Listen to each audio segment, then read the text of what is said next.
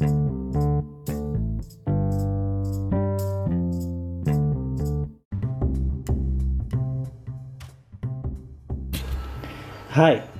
selamat datang di podcast lebih jelas episode ketiga untuk tayang di tanggal 21 Juni 2020 bersama saya Sahat Masih Hombing. Apa kabar semuanya? Semoga sehat dan bahagia. Eh, kalau fisik mungkin tidak terlalu mengkhawatirkan ya kabar secara fisik.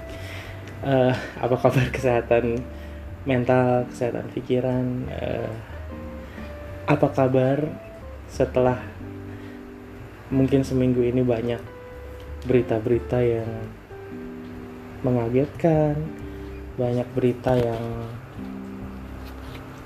eh toksik. Em, kasus novel Baswedan masih berlanjut, bintang Emon kemarin rame, kemudian yang akhir-akhir ini dibahas banyak dibahas juga eh, tentang kebiasaan orang-orang di era new normal ini Eh, CFD sudah mulai dibuka eh, bingung apa harus senang atau bimbang atau khawatir gitu. karena sebetulnya pada saat pemerintah buka pengumuman atau mengumumkan mau buka CFD lagi sebenarnya dasarnya kan dari eh, hitungan apa ya dibilang kajian resiko dari eh, ID Ikatan Dokter Indonesia yang bilang bahwa eh, yang membagi eh, tempat berdasarkan eh, resiko penularan COVID. Dan di situ dibilang bahwa menurut ID olahraga di area terbuka di outdoor itu eh, resikonya tidak terlalu besar. Kalau nggak salah poinnya dikasih dua apa ya? Dua. Kalau kegiatan yang berkumpul dalam ruangan itu poinnya 9 jadi lebih beresiko. Itu jadi secara eh, resiko penularan di menurut ID eh, olahraga di luar eh, ruangan outdoor itu penularannya lebih kecil dibandingkan berkumpul dalam ruangan itu jadi tentunya dengan menerapkan protokol kesehatan ya. Protokol kesehatan untuk mencegah eh, penularan covid. Jadi harus senang atau ragu dengan CFD sudah dibuka lagi? Harusnya senang ya. Harusnya senang karena eh eh, karena ya minimal minimal minimal ada eh, stress release Eh, biasanya mungkin setiap Sabtu setiap Minggu eh, ada event yang ditunggu-tunggu gitu. Eh, entah hiburan lah entah apa gitu eh dan sekarang kan nggak ada gitu mungkin mungkin ya. Mungkin digantikan dengan CFD sekarang kan sebenarnya eh ya minimal lah minimal ada tempat untuk stress release ya. Eh, selain CFD eh, mall sudah buka. Mungkin ada yang buka seminggu lebih. Ada daerah lain juga yang mungkin baru buka beberapa hari yang lalu. Eh, kemudian tempat-tempat eh, tempat-tempat malam juga udah buka. Kemarin ada sempat naik berita satu orang dokter yang main ke main ke Holy, Holy Wings ya. And then rame rame gitu. Eh gue bingung ya ramenya ramenya itu karena dia datang ke Holy Wings oh sorry. Yang bikin orang-orang tuh uh, membicarakan dia or si dokter ini apakah karena dia ke Holy Wings atau karena dia seorang dokter yang beberapa bulan lalu uh, bersemangat untuk mengkampanyekan uh, apa uh, gerakan di rumah saja terus uh, physical distancing. Ya itu. Apakah karena dia datang ke Holy Wings-nya atau karena karena dia dokter? Dokter yang pernah uh, menggebu-gebu. Sebenarnya kalau dia masyarakat biasa mungkin nggak akan seramai yang kayak sekarang ya. Cuman karena dia karena dia tidak sesuai dengan ekspektasi masyarakat. Makanya dia uh, rame. Hmm, ya pastilah uh, tidak mungkin tidak mungkin tidak mematahkan ekspektasi gitu. Karena apa ya ekspektasi kan adanya di di ekspektasi kita itu terhadap dokter ini ekspektasi masyarakat ya terhadap dokter ini. Dokter kita sebut nama aja ya dokter Tirta. Ekspektasi kita terhadap dokter Tirta itu berasal dari pikiran kita sendiri. Benar ya? Uh, pikiran kita yang berdasarkan apa yang dia katakan apa yang dia bicarakan di kesempatan sebelumnya mungkin ekspektasi orang-orang bilang bahwa wah dokter Tirta ini akan sebagai penggerak gitu untuk uh, pencegahan penularan COVID. Eh, ternyata pada saat sekarang dia melakukan hal yang mematahkan ekspektasi orang banyak gitu. Salah atau benar um,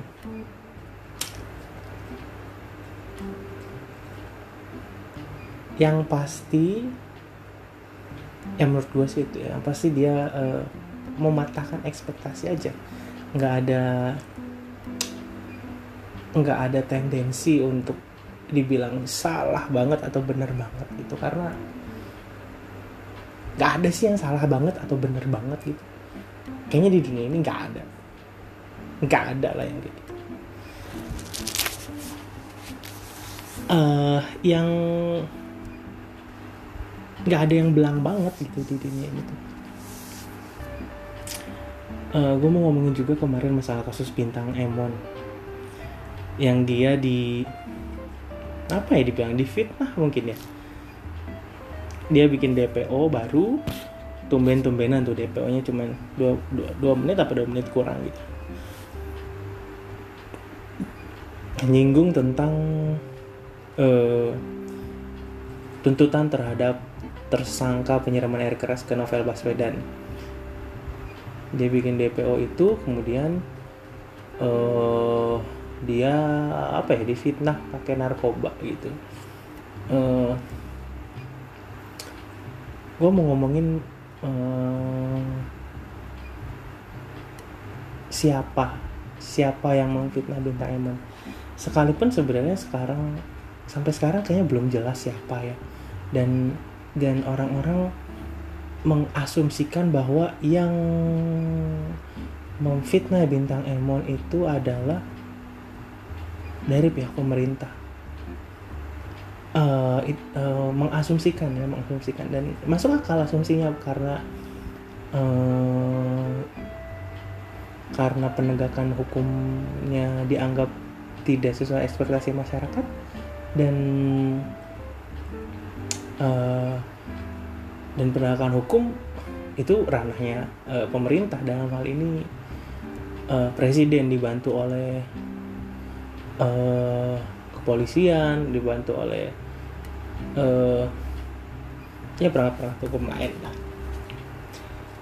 Uh, yang ada di eksekutif ya berarti kalau hakim kan tidak di bawah presiden jaksa berarti ya. Ada karena kan jaksa agung di bawah uh, presiden ya jadi. Ya, karena kan yang menuntut satu tahun itu kan jaksa. Jadi orang-orang menganggap bahwa wah ini nih pemerintah nih yang mau fitnah bintang emon. Uh, maksud gue gue bukan membela pemerintah ya siapa gue juga. Gue membela pemerintah dan pemerintah pun kayaknya nggak nggak untung apa apa dibela sama gue apa coba? Hah, siapa? Siapa? Saat masih hombing siapa? Sosokan membela pemerintah. Enggak lah bukan membela pemerintah. Cuman uh, poin gue adalah uh, belum tentu loh yang fitnah itu pemerintah maksudnya kita tuh jangan mau untuk uh, di di kalau gue sering bilang dibelangin. Dibelangin tuh uh, lu tau kulit kalau belang kan misalnya kita kelamaan naik sepeda apa naik motor gitu pakai jaket yang sampai pergelangan tangan terus di di pergelangan tangan yang nggak ketutup jaket warnanya di bagian tangan yang nggak ketutup jaket kulitnya agak hitam terus yang ketutup jaket agak putih gitu. Jadi belang gitu kelihatan. Jadi kontras gitu. Nah maksud gue kita jangan mau ada di di di, di apa ya? Jangan mau di dibelangin gitu antara yang gelap sama yang terang antara yang A dan B. Antara yang tidak sama enggak antara tidak sama enggak gitu jangan mau. Dengan dengan dengan bintang Emon mengkritik pemerintah dengan DPO-nya kemudian bintang Emon difitnah bukan berarti bahwa yang mau fitnah itu pasti pemerintah. Kita harus cross check lagi. Karena kalau kita karena kalau uh, kita langsung bilang bahwa oh, ini dari pemerintah bisa jadi itu hanya asumsi bisa jadi ya. Kalaupun benar bisa aja karena kebetulan gitu karena kita bilang itu dari pemerintah tapi nggak ada data apa-apa gitu sekarang kan kita nggak tahu itu siapa. Sekalipun uh, di Twitter kemarin pas setelah ditelisik-telisik ternyata uh, akun yang ngeposting tentang bintang Emon yang pakai narkoba itu di postingan sebelumnya banyak uh, apa ya dibilangnya? Mempihak pada pemerintah pada kepolisian gitu. Tapi sekali lagi itu nggak nggak bisa jadi patokan gitu. Artinya bisa jadi bukan pemerintah loh. Bisa jadi bukan kepolisian loh yang memfitnah. Bisa jadi orang lain. Bisa jadi haters pemerintah bahkan. Bahkan ya bisa jadi hater, haters pemerintah. Bisa jadi bahkan hatersnya bintang Emon. Yang gue nggak percaya hatersnya bintang Emon itu ada uh, bisa jadi juga bisa jadi bahkan itu bintang Emon sendiri. Ada kemungkinan loh. Ada kemungkinan. Ada kemungkinan itu bintang Emon sendiri gitu. Pakai nickname dan lain sebagainya. Sangat bisa sangat mungkin. Artinya apa? Artinya adalah uh, selama kita belum punya uh, bukti atau data yang valid seharusnya kita jangan langsung mengarahkan pada satu opsi bahwa oh ini pasti pemerintah. No. Selama tidak ada dasar, tidak ada bukti, maka uh, kemungkinan lain dari hipotesa yang kita percaya itu mungkin terjadi. Uh, kita pun sebagai bangsa seharusnya jangan terlalu uh, gampang untuk uh, digiring gitu digiring opininya. Artinya digiring bahkan yang lebih parah digiring untuk uh, masuk di dua sisi gitu. Uh, maksudnya sebelum sebelum memilih antara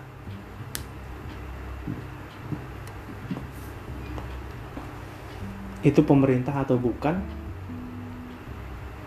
Artinya uh, jangan mau untuk dibawa ke satu diskusi satu jalur berpikir yang ujungnya nanti hanya ada dua opsi gitu. Uh, contohnya mungkin gue kasih contoh kasus lain ya. Kayaknya kalau bintang Emon agak agak agak agak agak agak sulit untuk diasosiasikan. Uh, contoh misalnya uh, kayak kita anak-anak kuliah nih sering bilang bahwa uh, kuliah atau organisasi uh, IPK atau pengalaman. Uh, apa? Seringkali mahasiswa tuh dibawa ke diskusi yang ujungnya nanti memilih antara IPK atau organisasi. Artinya kalau anak yang mau IPK bagus ya sudah belajar saja. Sampai IPK bagus tapi pengalaman organisasinya kurang. Begitupun sebaliknya. Mahasiswa-mahasiswa yang pengalaman organisasinya banyak siap-siap untuk menghadapi IPK yang uh, ya rata-rata bahkan jeblok. Karena apa? Karena waktu untuk berorganisasi itu kan sangat sangat sangat uh, banyak gitu yang harus di, di, di, diberikan. Artinya waktu untuk belajar berkurang bahkan waktu untuk mengerjakan tugas berkurang. So mahasiswa dibawa ke satu diskusi di mana ujungnya selalu antara IPK atau organisasi. Nah poin gue adalah sebelum kita memilih antara kuliah atau antara IPK atau organisasi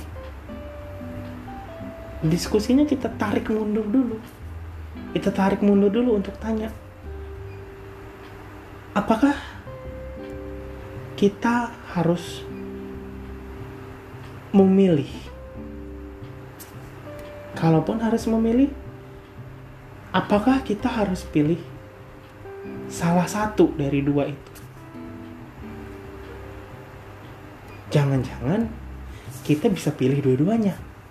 Jangan-jangan kita bisa ada di tengah. Jangan-jangan kita bisa jadi orang yang bisa diterima di mana-mana. Artinya nongkrong sama anak yang IPK-nya gede, kita bisa nyimbangin. Kita ngomongin organisasi pun ya hayo. Artinya sebelum kita diskusi tentang oke okay, eh, IPK atau organisasi agak mundur dulu nih bawa tarik mundur dulu diskusinya coba tanya lagi memang harus pilih antara dua ini? Emang gak ada pilihan selain dua ini? Emang harus pilih? Kalau pilih yang satu emang gak bisa dapetin yang satunya? Emang nggak bi emang kalau misalnya pilih satu artinya membenci yang satunya. Artinya diskusinya ditarik mundur dulu. Agar apa? Agar kita nggak jadi orang yang yang yang yang yang hanya ada di satu sisi kenapa jadi orang yang ada di satu sisi menurut gua nggak baik? Karena apa? Ya karena kita nggak mungkin selalu ada di satu sisi gitu. Selalu ada di satu satu satu apa ya? Satu uh, stand of opinion gitu. Nggak mungkin kita selalu ada di satu prinsip secara terus menerus gitu. Kecuali prinsip-prinsip yang sangat mendasar prinsip-prinsip tentang keagamaan misalnya. Ya kita percaya bahwa kita bahwa di hidup kita ada Tuhan gitu. Itu kan prinsip dasar yang pasti kita pegang sampai ujung gitu. Sekalipun ada juga orang yang akhirnya melepas prinsip itu cuman oh, prinsip yang gue maksud adalah prinsip yang yang yang bukan yang sangat mendasar gitu untuk kehidupan. Artinya jangan mau ada di satu sisi ah, jangan mau ada di satu sisi sehingga seakan-akan tidak setuju dan tidak mendukung terhadap sisi yang satunya gitu. Kalau gue balikin ke kasus bintang Emon artinya kalaupun iya yang memfitnah adalah pemerintah ya kita sebagai masyarakat jangan jadi ada di sisi yang bintang emon banget atau pemerintah banget gitu. Itu kalau yang yang yang nyebarin itu memang betul ya pemerintah. Tapi ya sekali lagi belum ada bukti belum ada dasar jadi agak nggak enak juga ngomongnya ya. Cuman itu tadi uh, jangan jangan sampai kita ada di diskusi atau ada di obrolan yang yang uh, memikirkan atau yang mencari jalan antara bintang Emon atau lawannya bintang Emon. Antara yang dukung bintang Emon atau yang tidak mendukung bintang Emon. Jangan mau ada di posisi itu. Tarik mundur lagi coba lihat lebih deket lagi gitu yang lagi kita obrolin. Jangan-jangan kita bisa pilih dua-duanya. Jangan-jangan kita bisa dukung satu dan tidak membenci yang satunya. Jangan mau untuk dibelangin antara yes or no antara kiri kanan gitu karena itu itu yang selama ini terjadi gitu di hidup kita kemarin uh, apa? Uh, kasus uh, rasisme di uh, Amerika gitu. Itu kan orang tuh kepecah tuh antara uh, yang membela yang bilang Black Lives Matter sama uh, yang pihak yang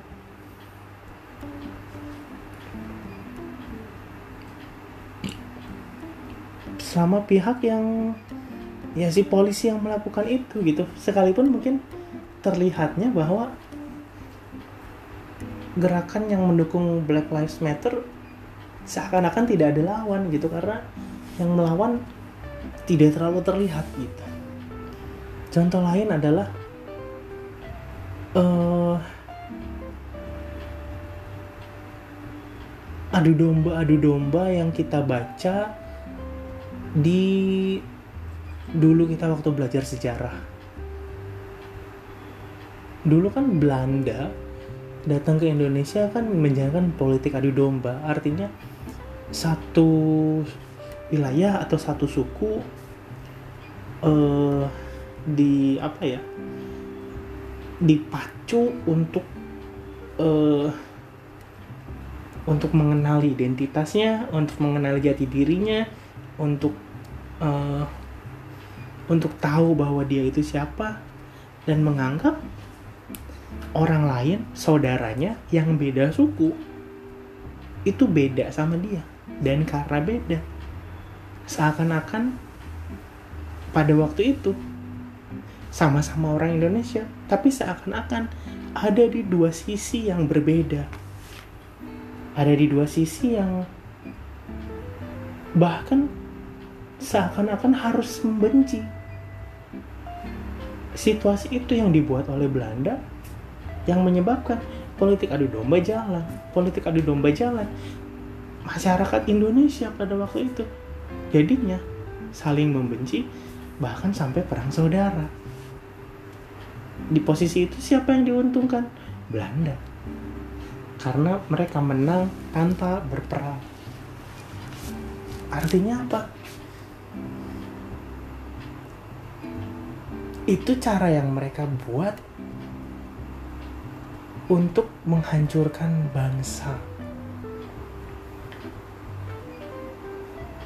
Balik lagi ke poin gua tadi, kita harusnya sekarang di uh, masa yang lebih maju di kehidupan yang lebih maju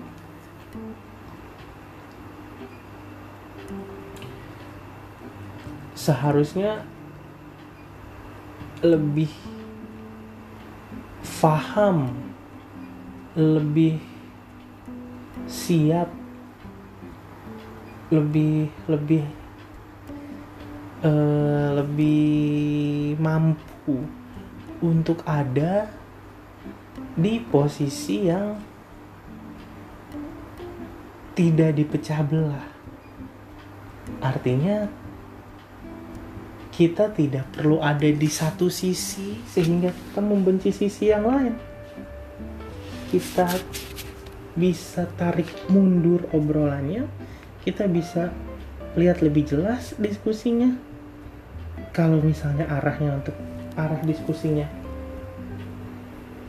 untuk bilang bahwa untuk untuk bawa kita kedua pilihan yang yang yang yang yang akhirnya menseparasi menurut gua sebisa mungkin kita ada di sisi di mana uh, kita dapat dua-duanya. Tapi ini juga konsepnya berlaku di di di di hal apa pun gitu ya karena sangat sang, sangat sering dan akan selalu kita hadapi gitu. Situasi di mana kita harus pilih satu dari dua gitu. Dan bukan tidak mungkin karena kita pilih satu dan kita tidak pilih yang satunya lagi. Kita dianggap membenci hal yang tidak kita pilih. Dan karena kita dianggap membenci ada orang yang mau bukan tidak mungkin ada pihak atau ada orang yang dalam tanda kutip memanfaatkan kebencian kita terhadap hal tersebut untuk ambil keuntungan. Artinya kalau kita bisa memposisikan diri kita untuk uh, tidak membenci untuk tidak ada di satu sisi banget sehingga membenci sisi yang lainnya menurut gua hidup kita sebagai manusia akan jauh lebih tertata akan jauh lebih uh, harmonis ya.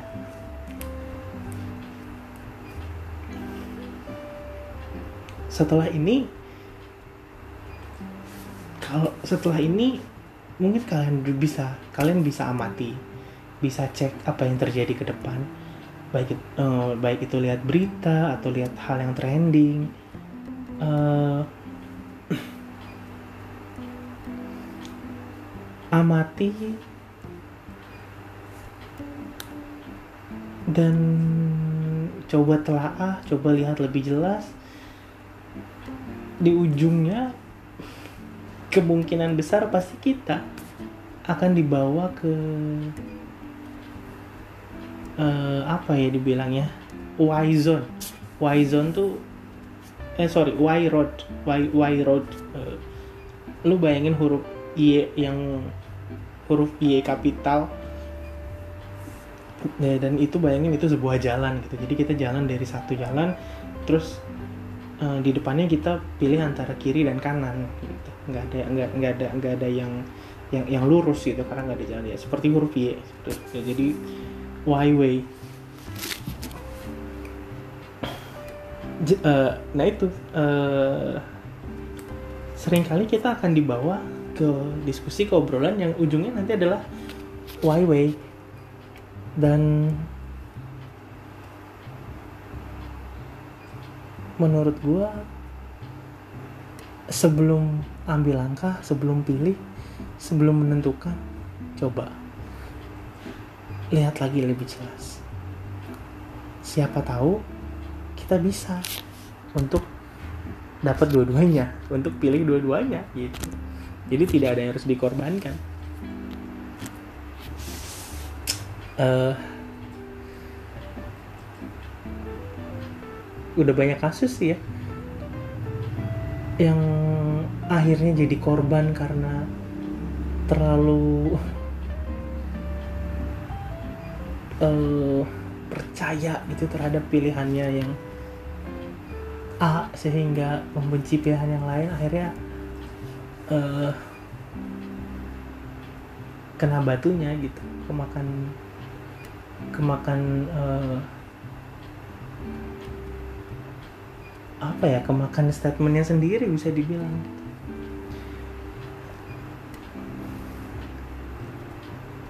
Uh, itu aja kali buat podcast edisi sekarang. Uh,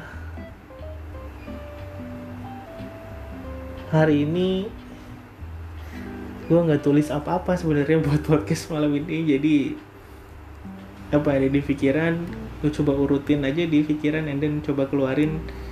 Dan ternyata 30 menit juga ternyata. Uh, kalau ada kritik dan saran boleh disampaikan uh, email podcast lebih jelas ya gmail.com uh, Instagram boleh datang ke Instagram gua ma.sihombing ma biasa ma dot sihombing. Um, boleh share juga ke uh, instastory ke uh, twitter. Uh, podcast lebih jelas biar makin banyak yang uh, apa ya bukan hanya makin banyak yang denger sih tapi makin banyak yang minimal tahu gitu bahwa ada perspektif yang ya yang bisa bantu untuk lihat segala sesuatu uh, lebih jelas gitu. Uh, itu aja. Uh, terima kasih. Sampai ketemu lagi di podcast edisi selanjutnya. Tetap jaga kesehatan dan ciao